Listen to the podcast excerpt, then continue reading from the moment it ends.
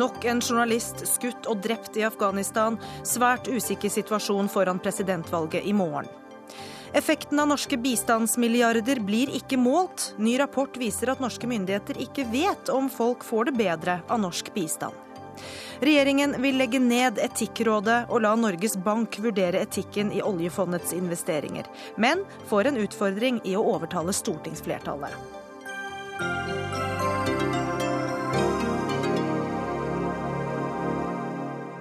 Det er fredag, det er Dagsnytt 18. Det er Gry Blekastad Almås som ønsker velkommen til sending. Dagen før valget på ny president i Afghanistan ble to utenlandske journalister i dag skutt av en politimann. Den ene ble drept. Hun var Tysklands mest kjente krigsfotograf. Den skadde er en canadisk reporter som du kjenner, Elisabeth Eide. Du eh, er forsker og forfatter av boka 'Afghanistan ingen fred å få', som kom i går. Ehm, hvordan reagerte du på nyheten i dag? Jeg fikk et veldig sjokk, for det er jo ikke så lenge siden, noen år siden jeg traff Cathy Gannon sist. Men eh, jeg ble jo kjent med henne allerede i 1987 i Pakistan. Og jeg regner henne som en av de beste Afghanistan-reporterne. Hun har jo vært i mange år byråsjef for Associated Press basert i Islamabad. Det var hun ikke lenger, var senior reporter. Men hun har jo, har jo, hatt et veldig stort hjerte for Afghanistan, rapportert mye fra bakken i Afghanistan. og Stor kjennskap, også gitt ut en bok om Afghanistan for uh, åtte år siden. Hun ble skadet, kollegaen hennes ble drept. Hva kan du si om situasjonen de to var i? De var jo, så vidt jeg skjønner, på vei sammen med valgkamparbeidere, eller valgarbeidere, altså som skulle ut med sånne stemmefasiliteter, da. Og satt i en bil, det var regnvær, og uh, de hadde stoppet opp og satt i bilen pga. det ruskeværet. Og så kommer det også en eh, politimann, enten han var kledd som eller han var reell politimann, det vet vi vel knapt ennå, og skyter de to. I forsetet satt en eh, medreporter fra Afghanistan som ikke ble skadet. Vi har med oss journalist Anders Sømme Hammer, som eh, er i Afghanistan, ikke altfor langt unna der de to journalistene ble skutt. Hva vet du om det som skjedde? Ja, jeg har også hørt det samme som Eide forteller. De har da altså vært ute på en reportasjetur. Kom til provinsen Post i går. Over guvernørens gjestehus og var da i gang med en rundreise i dag. De stoppet hos en distriktsguvernør. Stoppet altså på kontoret hos guvernøren der. Og politimannen som skjøt, skal ha vært inne på selve området hos guvernøren. Eh, så det her er ikke noe som har skjedd på veien. Det har skjedd hos afghanske myndigheter. Og det virker som om det er en afghansk politimann som har gjort det. Vet du noe om eh, motivasjonen for at han skjøt? Det har vært mange tilfeller her de siste årene der eh, amerikanske og andre utenlandske soldater har blitt skutt av afghanske politimenn og soldater. Jeg tror det er et lignende tilfelle her. Det har vært en del eksempler på at politimenn og soldater som ikke er under dekke av å være opprørere, slik, selv om det av og til blir presentert slik, skyter da sine allierte rett og slett i en fiendtlighet mot utlendingene. Du øh, var i dette studio rett før du dro tilbake til Afghanistan sist, øh, fordi den svenske reporteren Nils Horner var blitt drept. Ehm, hvordan opplever du sikkerhetssituasjonen for dere som er journalister i Afghanistan dagen før valget? Det er veldig farlig for alle som er her, også for oss journalister. Vi er vel ekstra utsatt fordi vi er i felt og møter folk, men det må vi også være. Jeg tror ikke det er en kampanje mot journalister, men jeg tror at vi er synlige som utlendinger. Og det er derfor det rammer oss så ofte som det skjer nå. Ahmad Gulami, eh, du er statsviter. Du er eh, aktiv i Afghanistan-komiteen, født og oppvokst i Afghanistan. Eh, det er altså valg i morgen. Hva kan du si om sikkerhetssituasjonen i Afghanistan nå? Ut fra hva media sier, sikkerhetssituasjonen er veldig spent. Man har utplassert ca. 200 000 politi og soldater. Eh, rundt omkring i Afghanistan at det er ca.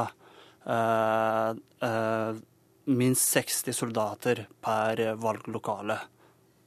Så situasjonen er veldig spent, og det, det er veldig stort sikkerhetsoppbud. Det er helt klart. Hva sier det om demokratiprosessen, at det er behov for uh, en så, stor, så stort oppbud av sikkerhetsfolk? Det, er ikke noe nytt. Eh, Taliban-fenomenet eh, fantes fra før av. Eh, Nato og ISAF sammen med afghanske myndigheter har ikke greid å gjøre noe med dem. Så det er ikke noe som har dukket opp rett foran valget. Så det fantes fra før, men nå prøver det, det den gode nyheten er at afghanske myndigheter prøver å avverge angrep på valgdagen, at valg gjennomføres. Og jeg tror også at valg kommer til å bli gjennomført.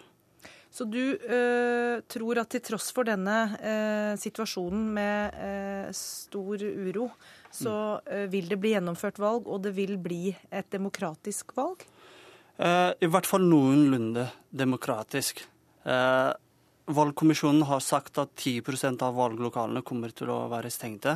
Det er en eh, rimelig god andel. Men likevel, hvis valget finner sted noenlunde fritt, så tenker jeg det er nok til at den eh, fremtidige presidenten eh, får legitimitet. Hvorfor 10% stengt? Det er pga. mangel på sikkerhet. Mm. Elisabeth Eide, du er ikke så optimistisk med tanke på Afghanistans fremtid. Hvorfor ikke? Så jeg vil veldig gjerne være optimistisk på vegne av et sterkt prøvet afghansk folk og alle de menneskene jeg setter pris på. Jeg vet at det er veldig mange millioner som tenker som dem, som vil ha fred i Afghanistan, som ønsker seg et sterkt styre som kan sørge for det. Men det er jo et paradoks at uh, Taliban var jo mye svakere rett etter 2001 og 2002 enn de er i dag. Og da må vi jo stille spørsmål hvorfor er de det? Hva er det de utenlandske styrkene sammen med presidentskapet og ledelsen ikke har klart? Ja, legger du skylden på ISAF-styrkene for den situasjonen Nei. som er nå? Nei, jeg gjør ikke det. Men altså, når Taliban har blitt styrket istedenfor å bli nøytralisert og svekket, så må man jo spørre. Det er jo mange grunner til det, men en av grunnene er jo selvfølgelig at ikke bistanden har greid å nå fram til de områdene der Taliban har rekruttert mange unge unge gutter som ikke har hatt andre framtidsmuligheter.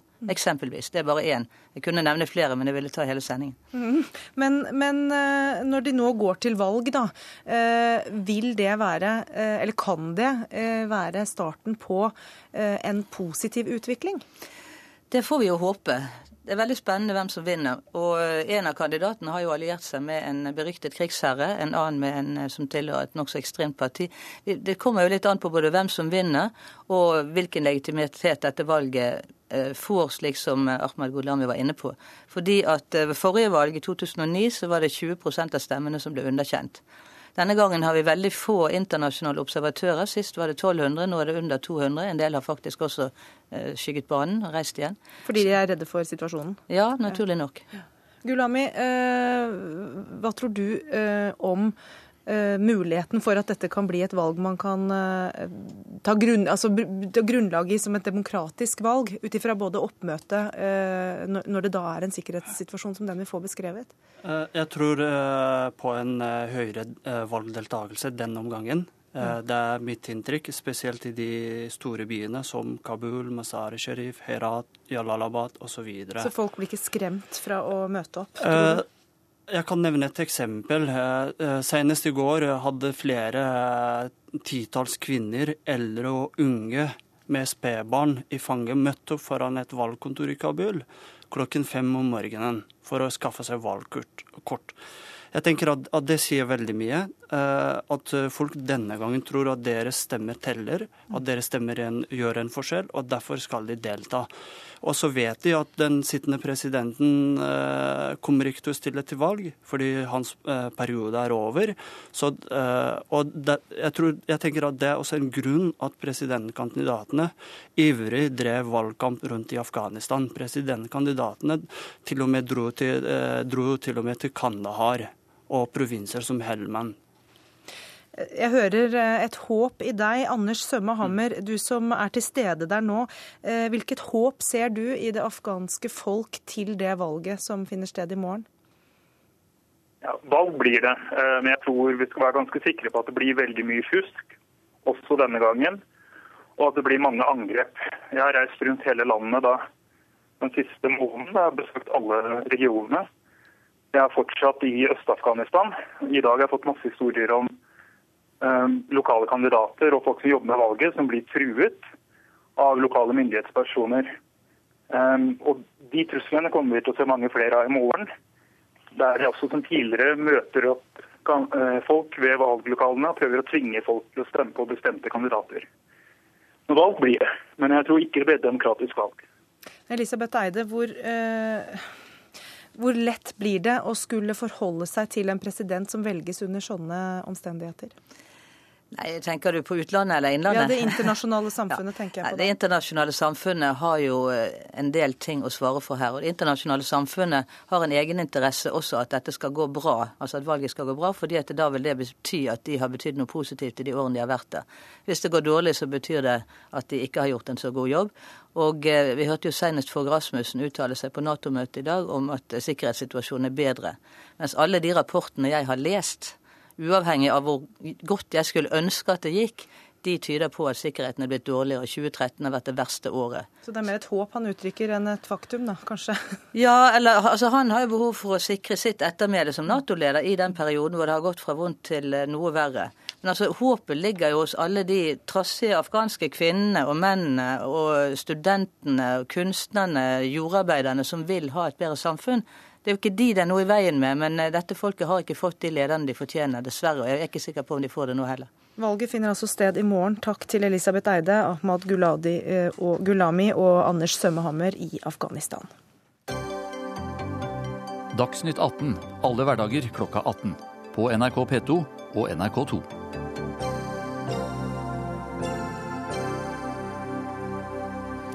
Ti år etter Nokas-ranet tar vi diskusjonen om slike ran er en saga blått. Ja, mener en professor. Langt ifra, mener en annen. Debatt litt senere i Dagsnytt 18.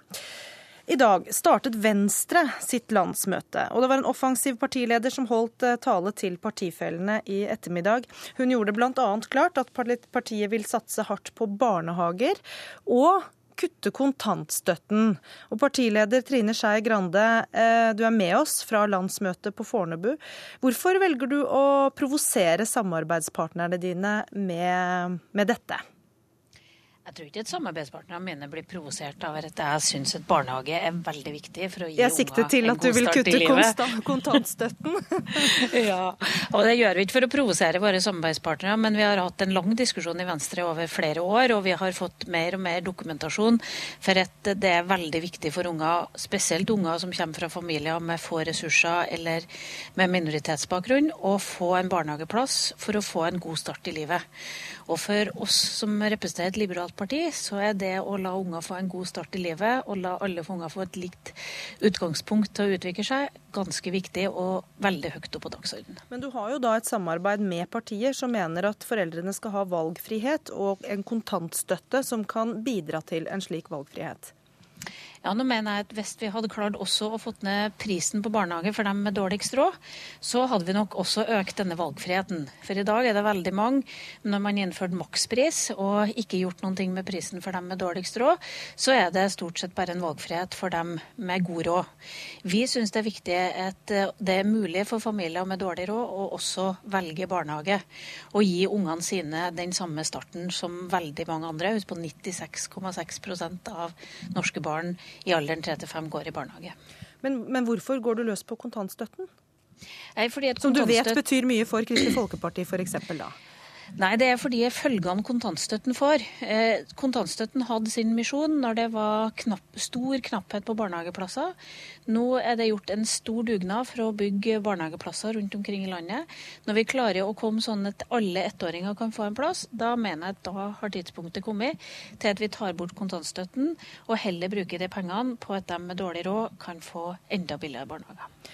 Klimaforliket var et annet tema i talen din i, i, dag. Eh, og du sa at det at klimaforliket skal uh, forsterkes, var en av de viktigste seirene Venstre har hatt i dette samarbeidet med regjeringen. Men samtidig så har dere kommet denne uka med en uttalelse om at regjeringen ikke har tatt et eneste klimainitiativ etter at de kom til makten.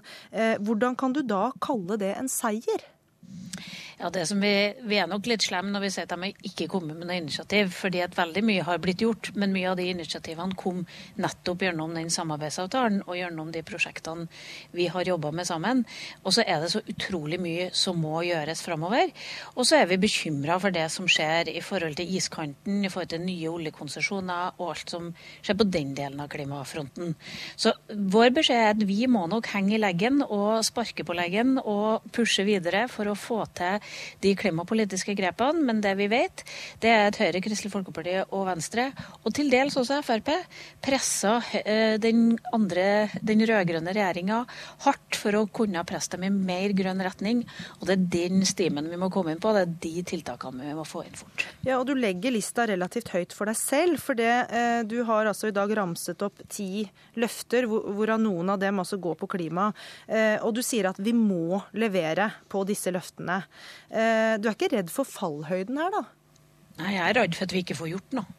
Ja, Men hvis du jeg, lover at dere skal levere på ja, disse ti punktene Men jeg er jo ikke redd for at jeg skal miste, og Venstre skal miste ansikt. Det jeg er redd for, det er at vi ikke får gjort de viktige tingene vi trenger å gjøre på klima. Det er helt avgjørende at vi nå får foretatt de kuttene som gjør at vi ikke får mer ekstremvær og mer klimaendringer enn det vi nå faktisk er i ferd med å se, er i ferd med å skje med planeten vår. Og da syns ikke jeg at politikere skal ha fokus på om vi mister ansiktet eller ikke. Vi må sette ambisjonene dit vi faktisk må for å gjøre noe med klima. Og de ambisjonene dem skal vi jobbe beinhardt for å nå. Eh, I dag eh, så ble det også kjent at finansminister Siv Jensen vil legge ned Etikkrådet til oljefondet. Eh, det er noe vi skal debattere litt senere i denne sendingen, men mens vi har deg med oss, så må vi høre hva Venstre syns om det forslaget. Ja, Vi diskuterte eh, det på gruppa på onsdag, for vi skjønte at dette kanskje var en sak som, som, kom til å komme i dag. Og vi i stortingsgruppa er klare på at vi er uenige i å legge ned Etikkrådet. Vi mener det er en viktig institusjon, og hvis man ønsker å styrke eh, etikkdelen av eh, den forvaltninga av oljefondet som vi har i dag, som jeg syns er prisverdig av regjeringa, så er det ingen grunn til å legge ned Etikkrådet av den grunn. Så der er du uenig i den måten de foreslår å organisere det på? Ja, gruppa vår var i hvert fall veldig klar på det når vi behandla på onsdag. Da ønsker vi i Dagsnytt 18 deg lykke til videre på landsmøtet i helgen. Trine Skei Grande, takk for at du Tusen var med. Tusen takk.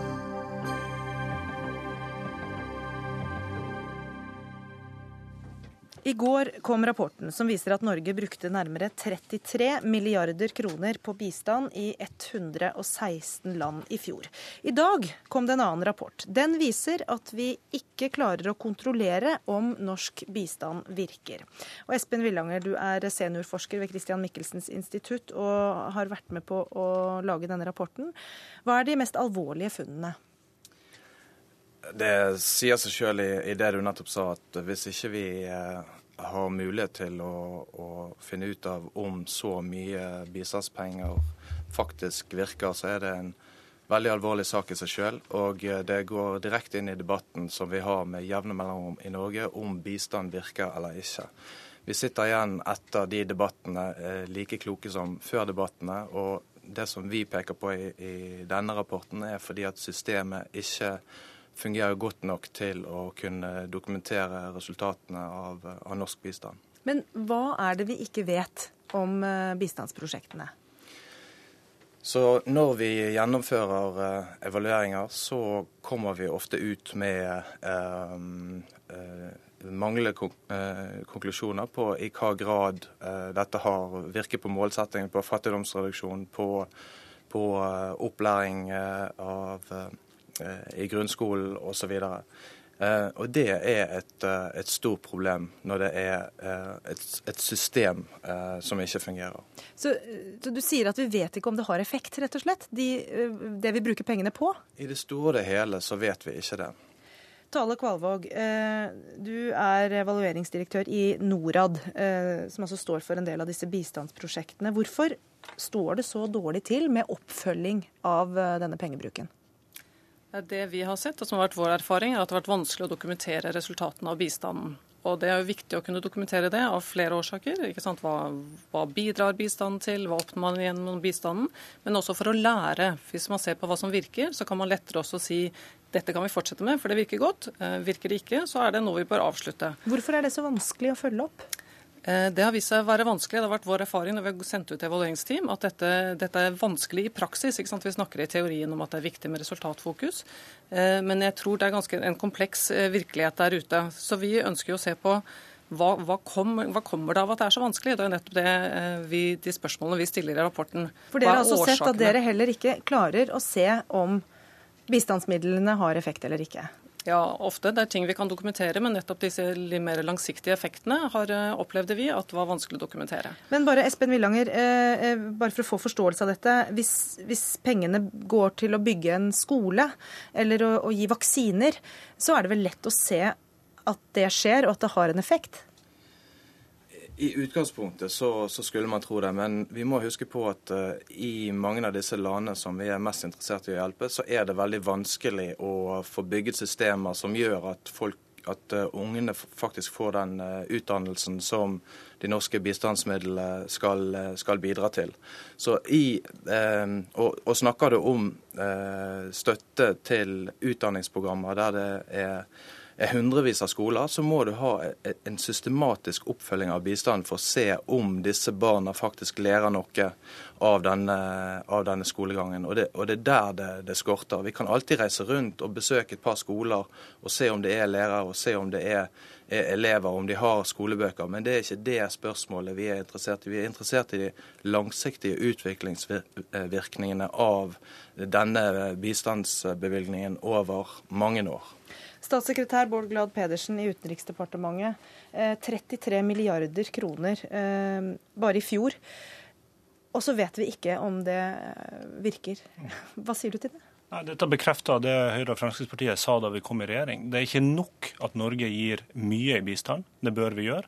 Men vi må også spørre oss sjøl hvordan kan vi gi den bistanden på en måte som gir best mulig eh, resultater. Vi trenger en sterkere resultatkultur innenfor norsk eh, bistand. Og så må vi legge om bistand, sånn at vi gjør mer av det som vi vet eh, virker, og at vi konsentrerer innsatsen mer, sånn at vi klarer å følge opp de prosjektene som vi gir. Men nå viser jo denne rapporten at vi vet jo ikke hva som virker, eller hva som ikke virker virker. Det denne rapporten viser, at vi er ikke gode nok til å evaluere norsk bistand. Og Det er jo fordi at det ikke har vært en sterk nok resultatkultur. Og Det er jo sånn i norsk eh, debatt at vi diskuterer hvor mye skal vi gi i bistand, men vi diskuterer altfor lite hvordan skal vi gi den bistanden for å få best mulig resultater. Det er 1,2 milliarder mennesker som fortsatt lever i ekstrem fattigdom i verden.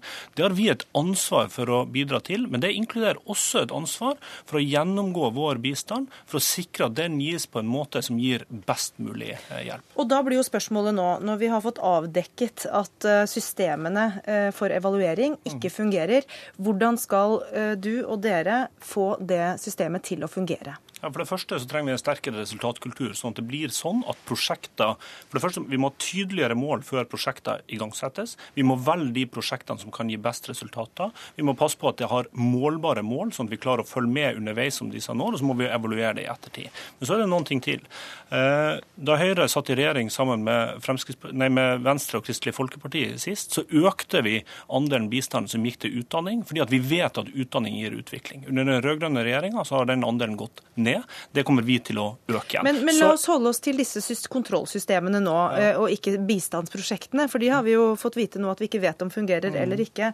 Eh, nå hører vi resultat, altså litt mer sånn kontrollorientert, resultatorientert. Er det ikke det i det hele tatt i dag, Tale Kvalvåg, i Norad? Eh, altså det, evalueringen ser ikke på om bistand virker eller ikke. Eh, det evalueringen ser på er hva kommer det av at resultatmålingen er nokså svak. og Det har Riksrevisjonen også vist til tidligere. Ja, Men er man ikke i Norad opp opptatt av hvilke resultater bistanden eh, får på lang sikt? Absolutt, det er man opptatt av. Eh, og Vi i evalueringsavdelingen har rett og slett bare gått inn og sett på de ulike forholdene. Er på en måte håndbøker og retningslinjer på plass? Er det god nok opplæring? Følges disse håndbøkene? Eh, stiller evalueringen de riktige spørsmålene? Og Det viser seg at det er på en måte svakheter over hele linja, og det er et forbedringspotensial der. Og som har blitt pekt på her også, at det går på på en måte kulturen. ikke sant? Evalueringen viser bl.a. et litt sånn kryssende press som mange opplever når de jobber med bistand. Det kan være politiske hensyn, det kan være tidspress. og Det som skjer er at resultatene eh, og det resultatfokuset det snakkes om, ikke kommer i første rekke, men av og til blir nedprioritert. Espen Villanger, hvor, hvor, opplever du at oppmerksomheten ligger hos de som arbeider med bistand, da, hvis det ikke ligger på resultatet?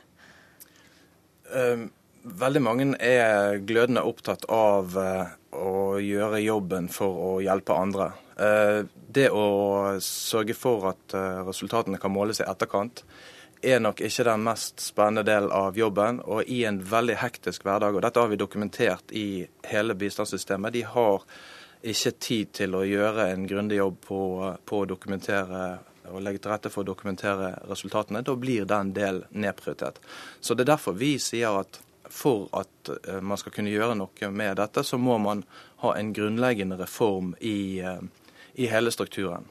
Grunnleggende reform, Pedersen, er det noe dere i Utenriksdepartementet nå vil gå i gang med? Ja, det, det trenges helt annet resultatfokus. og Det starter fra storting og regjering og he, på ledere på alle nivåer om å følge opp det. Så jeg har lyst til å ta tak i en ting jo, men, som... Jo, men Det har vi etablert nå, men hvordan vil du få det til? Blir det en reform? Gå, hvordan skal dere få det fokuset til å endre seg? Ja, Det handler om å uh, være opptatt av resultater. Sørge for at det er målbare mål for hvert enkelt prosjekt, og at det følges opp. Og så er det et viktig moment som programlederen var innom i starten, nemlig at norsk bistand er spredd eh, til 116 land på tusenvis eh, av prosjekter. OECD har jo tidligere fortalt oss at hvis vi konsentrerer innsatsen noe mer, så kan vi følge opp hvert enkelt prosjekt bedre, og vi kan oppnå bedre resultater. Så Derfor har vi starta et arbeid med det. Ikke fordi det er et mål i seg sjøl å redusere antall land, men fordi at det kan gi større resultater fra de pengene som vi bruker på bistand. Men det handler ikke rett og slett om at eh, det oppfølgingsarbeidet og kontrollarbeidet er mye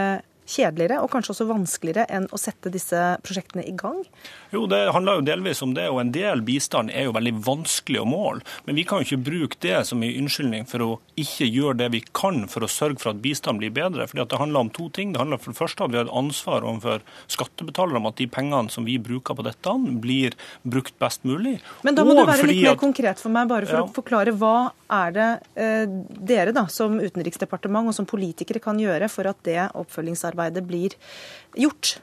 Ja, det er eh, som jeg sier, at uh, Sørg for at det er klare, tydelige mål for alle prosjekter før det igangsettes. Er det dere som skal stille de målene? Sette de målene? Altså, eller er det Norad? Eller det er klart at eh, For de enkelte prosjekter så er det de som gjennomfører prosjekter. Men for at vi skal klare å bygge en eh, resultatkultur, så må det gjennomsyres på alle nivåer. Og så er det jo sånn at Denne rapporten er jo eh, ikke slutten på en prosess, det er starten på en prosess.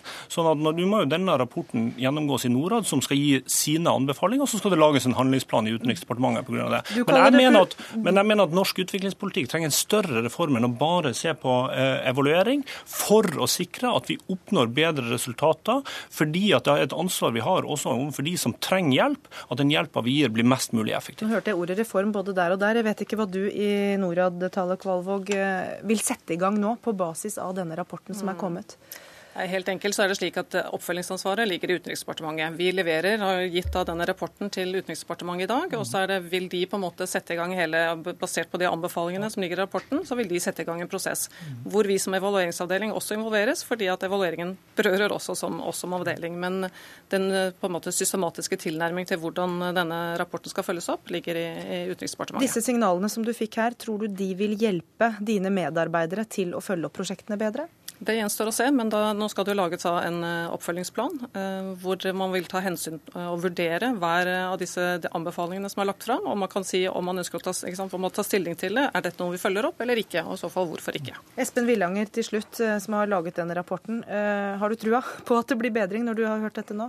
La meg si det på denne måten. Dette har vært diskutert i 25 år, at det mangler en, en god Eh, evaluering av norsk bistand. og Dette er veldokumentert. Jeg tror det, det viktigste rådet til, eh, til, statssekretæren er at dette krever faktisk handling og oppfølging og eh, grundig arbeid over mange år for å få dette på plass. Og, og det å å tro at uh, selv om i, i dag har alle vært veldig positive og eh, imøtekommende overfor denne rapporten, det er sterke krefter i systemet som vil motarbeide disse tingene. Og prøve å tåkelegge eh, debatten med å peke på svakheter i rapporten osv. osv. Denne diskusjonen har vi vært gjennom mange, mange ganger før. Og hvis vi skal få gjort noe, så kreves det hardt arbeid fra politisk ledelse og nedover i departementet. Og nå ser jeg Bård Glad Pedersen sitter og nikker. Vi har sagt at det er resultatfokus må gjennomsyre norsk bistandspolitikk fra vi tiltrådte. Da har vi jo kommet nært et løfte, så vi får følge med og se hva som blir resultatene av disse løftene. Takk til Bård Glad Pedersen i Utenriksdepartementet, Espen Villanger ved Christian Michelsens institutt og Tale Kvalvåg fra Norad.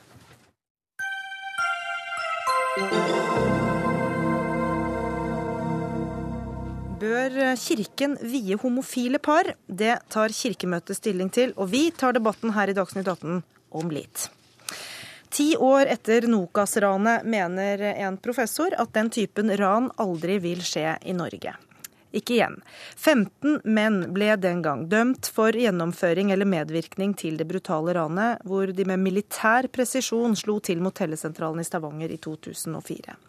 En politimann ble skutt og drept. Flere ofre er fortsatt traumatisert, og ransutbyttet er fremdeles på avveie. Ole Andreas Engen, professor i samfunnssikkerhet ved Universitetet i Stavanger. Eh, kommandoran som dette vil ikke skje igjen, mener du. Hvorfor ikke? Altså, isolert sett så høres jo det ut som en veldig bastant uttalelse. Eh, det er to grunner til at eh, vi kan si det på den måten, for å si det sånn. For det første så er det betenkelig å knytte beredskapsplanlegging og beredskapstenkning til en forestilling om at denne type hendelser repeteres. Altså, De blir på en måte utdaterte. Og for så vidt, hvis man tenker da beredskap knyttet til Nokas, så er det å planlegge den forrige krigen, om man vil. Det andre det er at det er knyttet også høy usikkerhet til et sånn type risikomål for denne type hendelser. Altså Vi vet hva som har skjedd, men vi vet, vi vet ikke hva som kan skje. Og Dermed så er det også viktig å fokusere på denne usikkerheten knyttet til lignende hendelser, og hendelser som ligger i det vi, som kan, vi kan betrakte som nesten utopiske, altså ranstype hendelser som da eh, overrasker oss eh, på nytt. Hvorfor sier du at det er utopisk? Altså Dette går litt på at vi noen ganger så vet vi ikke hva vi ikke vet. Og på mange måter så er eh, den type hendelser eh, sammenlignbare med en type terrorhendelser. Vi har for dårlige kunnskaper vanligvis om denne type hendelser. Det er knyttet stor usikkerhet til denne type hendelser. Og det krever også at vi tenker nøye gjennom på hvordan vi da skal organisere vår beredskap. Petter Gottschalk, eh, professor ved Handelshøyskolen BI og forfatter av flere bøker om kriminalitet, organisert kriminalitet. Det er en forestilling, og det er utdatert, hører vi her. Deler du den analysen? Ja, altså Den konkrete hendelsen Det vil aldri bli et Nokas-ran på den måten. Det vil heller aldri bli en massakre på Utøya på den måten. Men eh, det vi lærer av, er jo slike episoder. Eh, slike ekstreme tilfeller. Vi kan generalisere det og si at det kommer igjen til å bli ran av penger. Altså så lenge vi har eh, penger og ikke bare elektroniske måter å betale på. Eh, det kommer fortsatt til å være en eller annen fare for at en eller annen gærning ut fra et eller annet sprø ideologi vil drepe mennesker. Det vil skje, sånn at det er denne generaliseringen, altså den læringen norsk politi har gått igjennom takket være i gåsehøyne Utøya, den læringen norsk politi har gått igjennom takket være Nokas-ranet, er veldig verdifull. Det betyr slett ikke at norsk politi forbereder seg på akkurat det samme akkurat samme sted. Men, men, men, det har ført til en betydelig kompetanseutvikling, så det blir feil å, å, avskrive den type hendelser. Men er det takket være den erfaringen man gjorde seg da, at vi ikke har sett så mange ran av den typen etter Nokas, som vi så i tiden fram mot uh, Nokas? Ja, altså det, det, blir jo kalt et, uh, av politiet et ransmiljø som, som ikke er oppløsning, og det er nok uh, en sannhet med modifikasjoner. Men de tradisjonelle, gammeldagse bankranerne de, de, forsvant og forsvant litt ut av sirkulasjon. Men vi har jo fortsatt bankran. Det er bare like mye nå elektronisk, eller vel så mye elektronisk som det er fysisk. Eh, og Er det det eh, Engen, du også tenker på når du sier at dette er utdatert? At, eh, at vi har, har, fått den elektroniske verdenen da, i tillegg, på en måte? Langt på vei er jeg enig med Gottschalk i det. Og samtidig er jeg også enig i den læringseffekten som Gottschalk beskriver. Det som jeg tror er viktig, er at disse læringseffektene må da også inn i en type risikometodikk.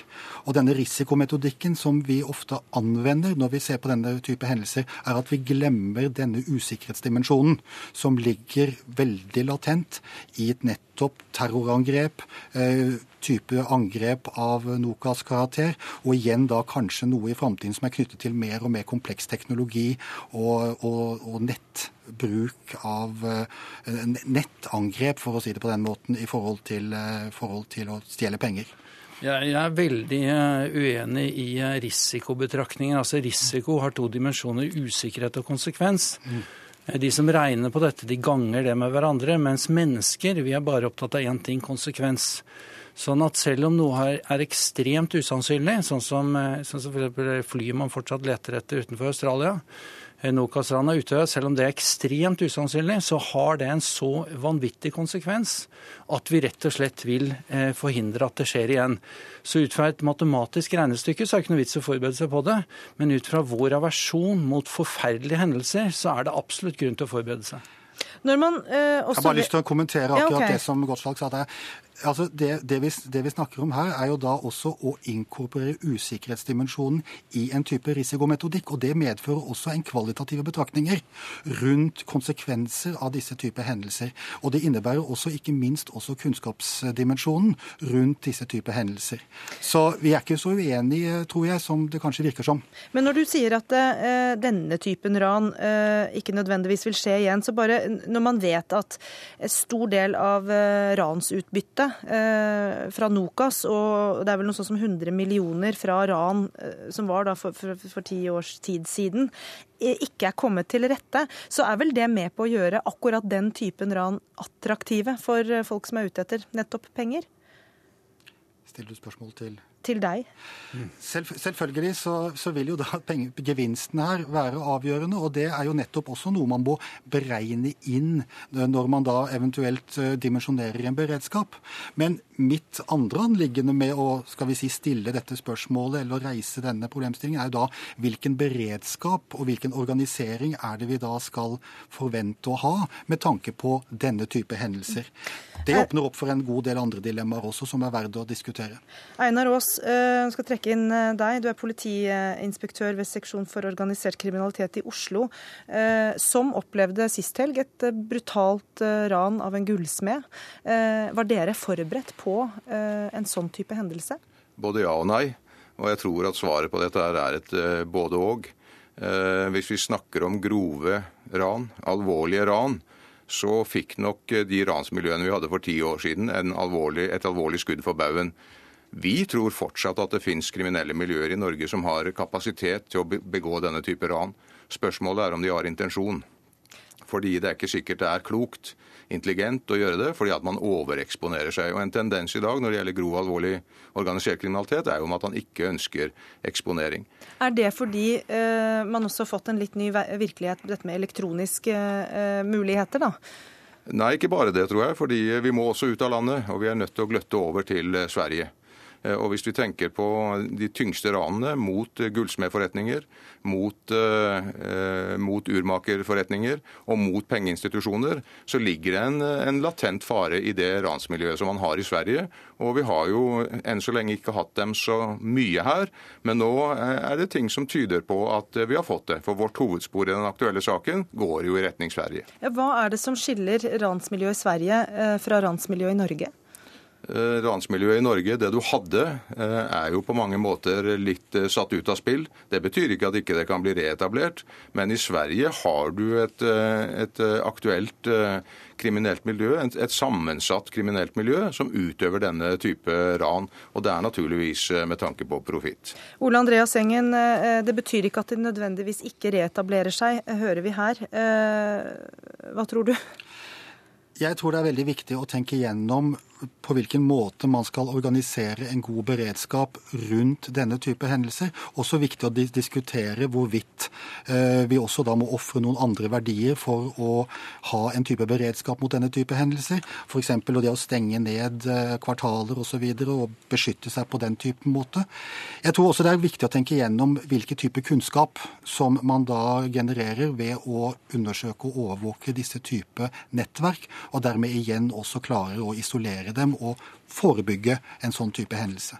Hvordan skal man forhindre Petter Gottschalk eh, slike ran framover, hvis du kan være litt kort? Ja, Altså det, viktige, det viktigste er at eh, det ikke blir lønnsomt. Altså Man må få tak i pengene. og Det er jo den eh, verste læringen som ikke norsk politi har tatt inn over seg lenge enda, At man fortsatt i norsk politi hele tiden må klassifisere en sak enten som en org-krimsak eller en økokrimsak. Og siden man eh, rent er klassifisert som en org-krimsak, så får man ikke tak i pengene. Da ser ser de som sitter inne at det kan være egentlig ganske lønnsomt å sitte inne noen år, for at du går ut til mye penger. Takk skal du ha, Petter Gottschalk. Takk også Ole Andreas Engen og Einar Aas. Hør Dagsnytt 18 når du vil. Radio NRK.no. Regjeringen vil legge ned Etikkrådet for oljefondet. Nå blir det opp til Norges Bank selv å vurdere hvilke, et, hvilke selskaper man av etiske grunner bør trekke seg ut av.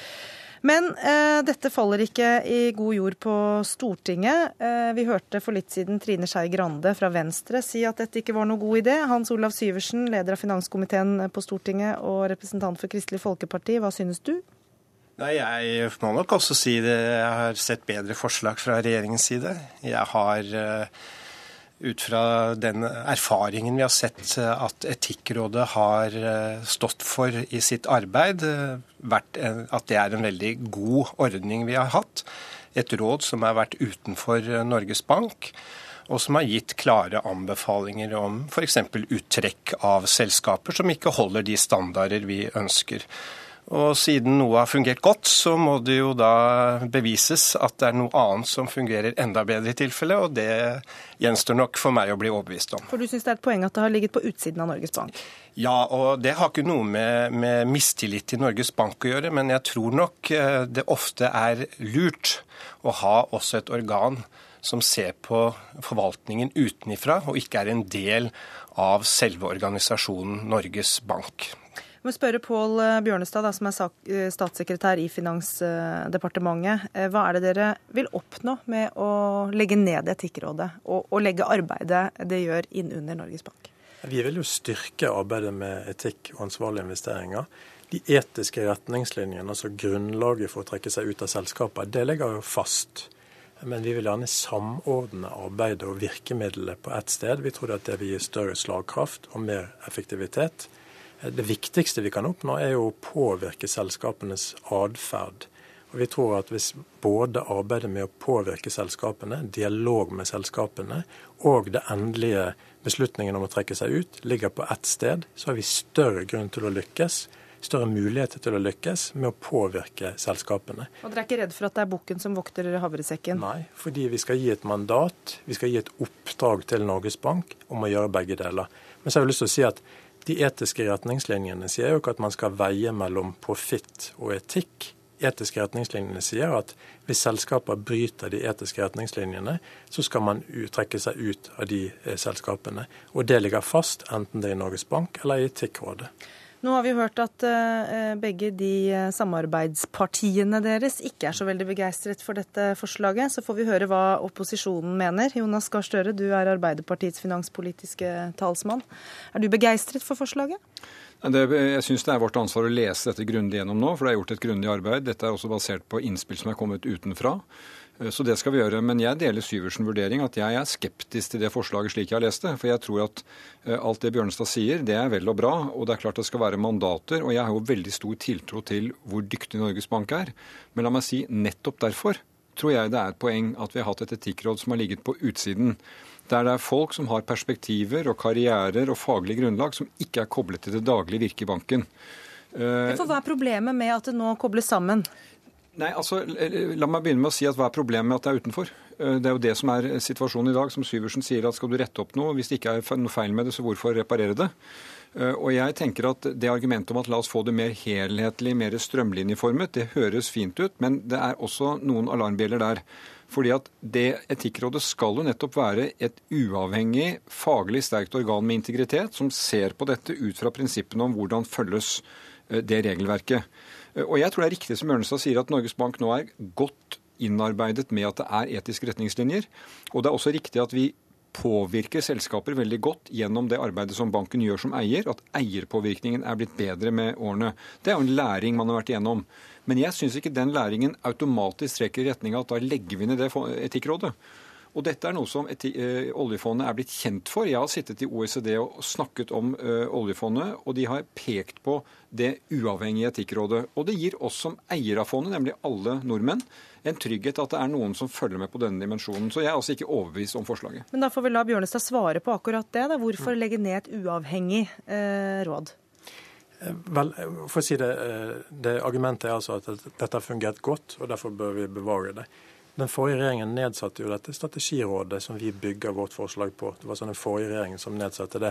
Og det antar jeg at de gjorde fordi at de ikke mener at dagens system fungerer optimalt. Blant annet så har det tatt veldig lang tid å behandle saker i Etikkrådet, og enda lengre tid å behandle det i Finansdepartementet, hvor man har fått kritikk for at saker har blitt liggende i flere år. Og så... Fordi det er, bare for å forklare det, det er altså Finansdepartementet som tar imot det rådet fra Etikkrådet og, og gjør en beslutning på basis av det. Ja. Og så har det også vært veldig viktig, og det oppnår vi ikke ved å beholde Etikkrådet på utsiden, å se disse virkemidlene sammen som en kjede. At vi først begynner med dialog med selskapene, forsøker å påvirke dem, og til slutt så trekker vi oss ut. I dag så er det jo slik at Etikkrådet og Norges Bank kan møte de samme selskapene, og kanskje gi forskjellig budskap. Og Det siste poenget jeg har lyst til å si at at eh, vi er blitt kjent for Etikkrådet i utlandet. Vi er blitt kjent for etikken og det normgivende arbeidet. Men ingen, ingen har valgt å organisere arbeidet på den måten med et eget etikkråd. Nå, nå, brenner begge for å snakke her. Vi skal la Syversen komme til ordet først, og så er det Støre etterpå. Ja, jeg tror faktisk eh, at det ene her ikke trenger å utelukke det andre. Vi kan eh, og bør styrke eh, arbeidet for etisk forvaltning innad i fondet også. Og jeg er enig i at samarbeidet mellom Etikkråd og banken det kan med fordel styrkes, slik at man kan lære av hverandre. og Eh, den praksisen man, man, utfører. Så er det ett poeng som er veldig viktig med dette fondet. Det er at dette er alle nordmenns eh, sparebøsse, for å kalle det det.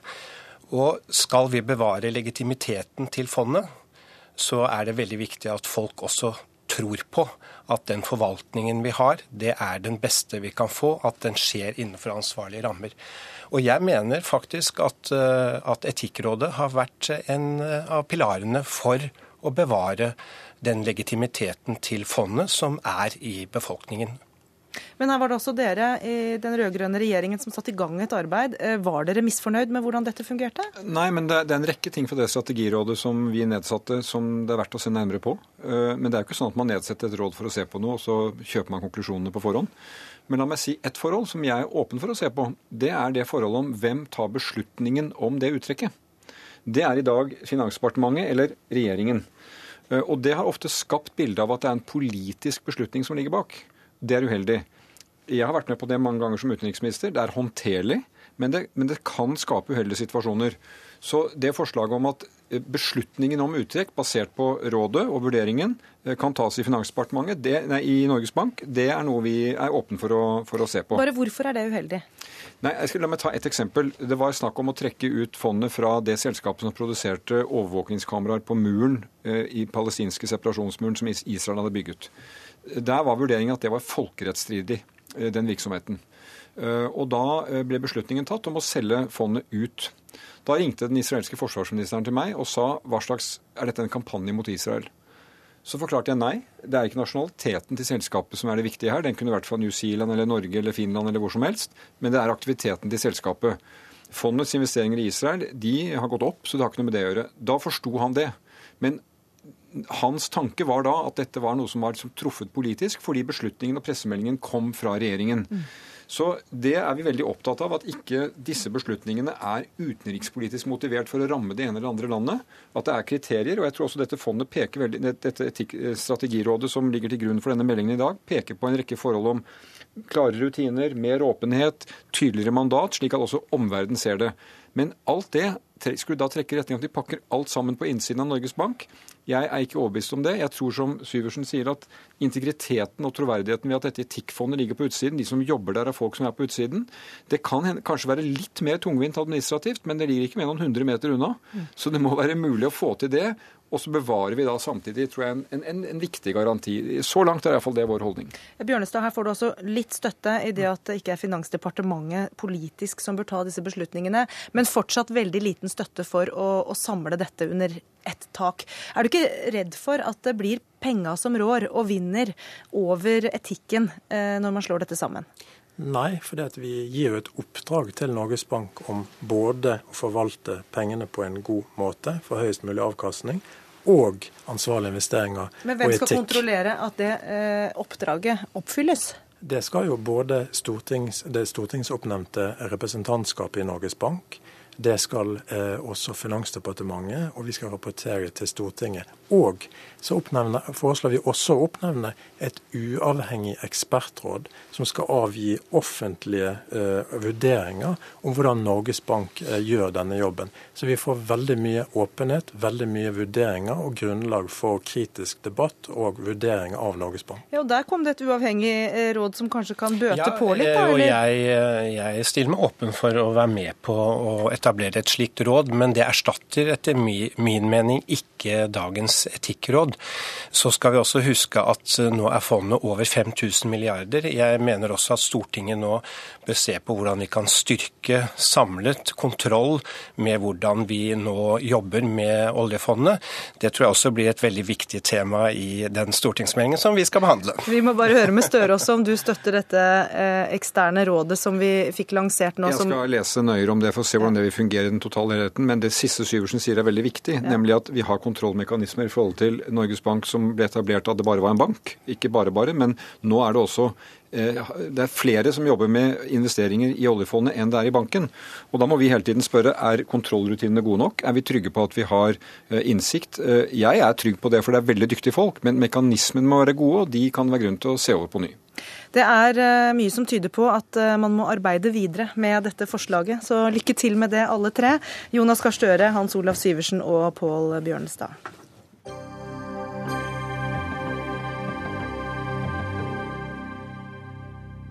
I går eh, åpnet Kirkemøtet, eh, som bl.a. skal vedta om det skal lages en liturgi som åpner for at prester kan vie par av samme kjønn.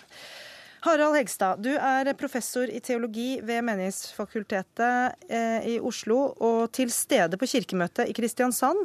Du tilhører de som mener at det er feil å vie homofile i kirken. Hvorfor? Nei, Det er fordi at eh, ekteskapet etter en tradisjonell og bibelsk forståelse eh, er et forhold mellom mann og kvinne. Og Det da å kalle, eller å lage en, en liturgi som sidestiller eh, par av motsatt kjønn og samme kjønn, Eh, blir da problematisk. Så Derfor så ønsker jeg ikke en sånn liturgi. Hvorfor er det så stor teologisk forskjell på det å vie to mennesker av likt kjønn eh, som velger å leve livene sine sammen, og det å vie to av ulikt kjønn? Nei, Det er ut ifra en, eh, en, lesning av Bibelen som sier at, eh, at dette med kjønnsdifferensieringen, at vi er forskjellige kjønn, er, er en viktig del av, av skaperverket. Eh, og Kirken er satt til å forvalte og fortolke fortolke eh, Bibelen i denne sammenhengen. Og den leses eh, veldig ulikt innad i kirken, som står veldig splittet i dette spørsmålet. Og, her i studio har vi din gode kollega Jan Olav Henriksen, som også er professor i teologi ved Menighetsfakultetet. For du mener at kirken nå står i fare for å tape en generasjon hvis man ikke endrer syn. Forklar.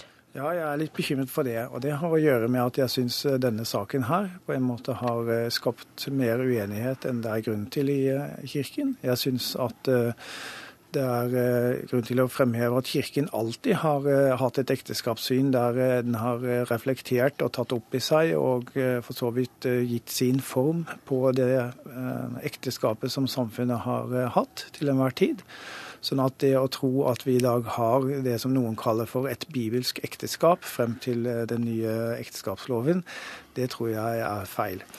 Um, og jeg ser det også sånn at uh, med eh, de, den måten å forstå ekteskapet på, som nå bispemøtets flertall har uh, formulert, som handler om at ekteskapet handler om uh, trofast, livslangt, monogamt samliv mellom mennesker som forplikter seg i forhold til hverandre og vil hverandre det beste osv., det er noe som eh, må kunne gjelde for mennesker, enten de har samme kjønn eller ulikt kjønn. For Der er du inne på at altså, biskopene har eh, fler, behandlet dette, og er også splittet, men et flertall har landet på at man bør eh, kunne vie homofile, mens eh, Kirkerådet har landet på det motsatte syn. Og nå er det altså dere i kirkemøtet, eh, Harald Hegstad, som skal avgjøre dette. Hvordan eh, går diskusjonen? Nei, den er, eh, den er, spent. Eh, foreløpig har det i hvert fall i plenum bare vært forpostfektinger, men man merker jo at dette ligger under. Eh, så de samme posisjonene er jo til stede her. Hva som er styrkeforholdet mellom de, det får man ikke vite riktig enda. Og Samtidig så er det noen som leter etter kanskje noen type kompromisser eller mellomløsninger. Så det får man jo se etter hvert. Hvilke mellomløsninger kan vi se for oss? Nei, Vi har jo det som Bispemøtets flertall har foreslått, eh, en, en forbønnsliturgi eller forbønnsordning for eh, homofile par som først har giftet seg eh, borgerlig. Det er jo en mulig løsning som ligger et sted midt imellom. da. Henriksen, hva, hva tenker du om en sånn, et kompromiss? Jo, altså Realistisk sett så er det jo grunn til å forvente at et sånt kompromiss er det beste Kirkemøtet nå kan oppnå. På den annen side så vil jo ikke dette bringe saken til ro. fordi at uh, den fine distinksjonen som til og med Hegstads lille slip of the tongue nettopp ga når han snakket om en forbundsliturgi, den er nettopp det som ikke, ikke Kirkemøtet vil gå inn på, nemlig at vi har en liturgi. Uh, som er for mennesker som er viet av samme kjønn. Eh, og jeg tror ikke denne saken kommer til å falle ordentlig til ro før vi får tilsvarende ordninger for eh, vigsel av mennesker av samme kjønn, som det vi har i kirken når det gjelder andre, andre samlivsspørsmål. Det er fremdeles slik at eh, prester kan reservere seg mot å vie fraskilte, f.eks. Det er noen få prester som også vegrer seg mot å samarbeide med kvinnelige prester fordi de mener at Bibelen er mot kvinnelig prestetjeneste. Og det har vi funnet ordninger for i Kirken. Og Der er du inne på saker hvor Kirken sakte, men sikkert har beveget seg, eh, ikke i takt med, men etter eh, samfunnet for øvrig. Og hvorfor er det alltid sånn at Kirken ligger langt bak resten av samfunnet i saker som homofilisaken? Ja, I den saken så ligger Kirken bak langt etter. Men jeg vil si at når det gjelder f.eks. spørsmål om kvinners demokratiske rettigheter, så har Kirken ligget foran samfunnet i visse eh, tider. Så det er, det er, ikke et entydig bilde. Føler du Harald Hegstad, at Kirken er litt gammeldags eh, og skal være det? Nei, altså jeg er enig med Henriksen der at eh, at det er jo litt forskjellig. Men det er ikke noe mål at Kirken alltid skal gå i takt med samfunnet. Også når det gjelder ekteskapsforståelsen, så er jo også ekteskapsforståelsen nå F.eks. at Kirken eh, understreker det livsvarige i sitt, eh, i sitt vigselsliturgi, til forskjell fra ordningen for borgerlig inngått ekteskap, viser at også Kirken har en egen ekteskapsforståelse, selv om man selvfølgelig alltid forholder seg til til eh, den statlige lovgivningen. Jo, men Når din kollega her er bekymra for at Kirken kan miste en generasjon fordi man ikke beveger seg i homofilisaken, du deler overhodet ikke den bekymringen du da? Jeg deler absolutt bekymringen for eh, konsekvenser av denne saken, uansett hva slags konklusjon man kommer til. Det er også de som sier at de vil gå ut av Kirken hvis, eh, hvis Kirken innfører en samkjønnet vigselsliturgi. Så, så, problemer er det uansett. Dette er på en måte en, en debatt som som, eh, som, som rir den verdensvide kirke egentlig som en mare. Dette er ikke bare i Norge vi har denne veldig vanskelige debatten, det ser vi over hele verden. Men, dere... ja, men jeg har lyst til å føye til til det at uh, akkurat når det gjelder eh, det at mennesker går ut av kirken pga. dette, det er jeg ikke så bekymret for. For jeg tror ikke folk mister troen av den grunn. Det jeg er mest bekymret for, det er at den neste generasjon skal tro at det det først og fremst handler om i kirken, det er å regulere folks samliv. Eh, eller sier at det ikke skal reguleres. Fordi at denne saken nå får så mye oppmerksomhet.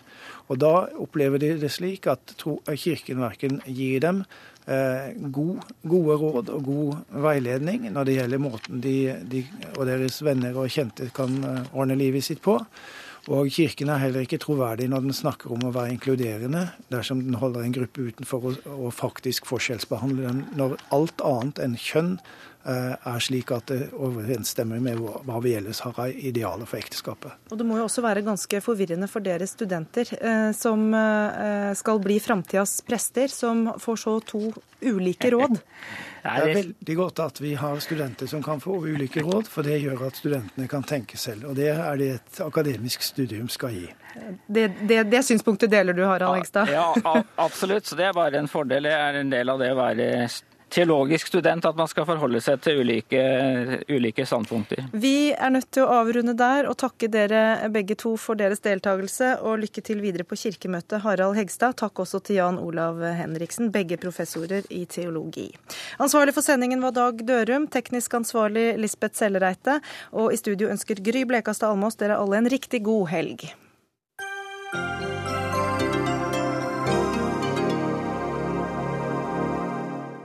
Hør flere podkaster på nrk.no podkast.